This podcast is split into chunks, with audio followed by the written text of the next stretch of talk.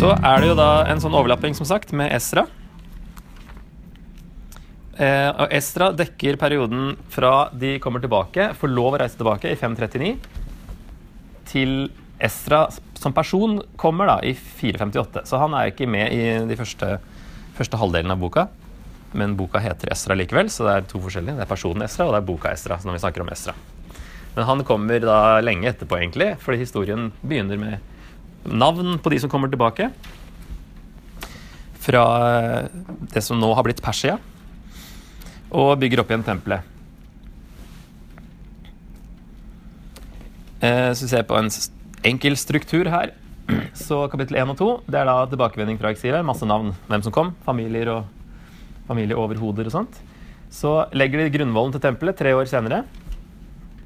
Og så stanses det arbeidet ganske kjapt av eh, folkene rundt, som eh, ikke liker det her, at de kommer og bygger opp igjen ting eh, midt iblant dem. Så det står stille i en 10 opptil 16 år. 10 år i hvert fall stanser det helt. Så det, det ble hindra i hvert fall i 16 år, da. Og da kommer Haggai og Zakaria, som nevnes i Esra. De kommer og oppmuntrer folket med sine budskap. Derfor kommer de mot slutten. Det er de nest siste og den tredje siste profeten i GT. Så eh, blir de oppmuntret av det, da, og så begynner de å bygge igjen. Og så får de ferdig tempelet fire år etterpå. Så det tok 20 år å bygge det opp igjen. da, eh, Med litt sånn stopp underveis. Eh, og så kommer Estra i kapittel 7 og 8. Og da er vi plutselig 458, tror man. Det er litt sånn litt mystisk det med tallene der, men jeg tror den er sikrest. Um, ut fra hvilken konge han persisk konge han daterer det fra. Og han kommer med gull, sølv og utstyr til tempelet. Og så har vi to siste kapitlene at han oppløser blandingsekteskap. Eh, fordi de hadde begynt å gifte seg med folkene rundt. Og eh, det var ikke bra på den eh, Det var greit tidligere. Du så jo Ruth. Så helt greit at Boas og Ruth gifta seg. Ruth var jo fra et annet folk.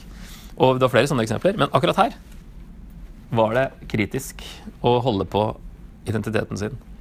Og her er det ikke sånn at de andre blir jøder og tror på Israels gud. For det var jo viktig hvis man skulle gifte seg med noen andre. Så måtte jo de bli en del av folket. Mens her i Nehemia så står det at eh, barna deres kan ikke engang judeisk, så her begynner det å rakne helt. Og eh, eh det her blir bare en synk synkronisme, heter det. Sy synkretisme av religioner. Eh, derfor er ikke det bra. Så han eh, eh, ja, sender faktisk de fremmede konene hjem igjen. For det her det er en dårlig idé akkurat nå. De er ikke mange, altså. Det er jo ca. 10 som man regner kommer tilbake fra Babylon. Eh, og Jeg husker ikke hvor mange tusen, men det er ikke mange tusen det er snakk om, egentlig.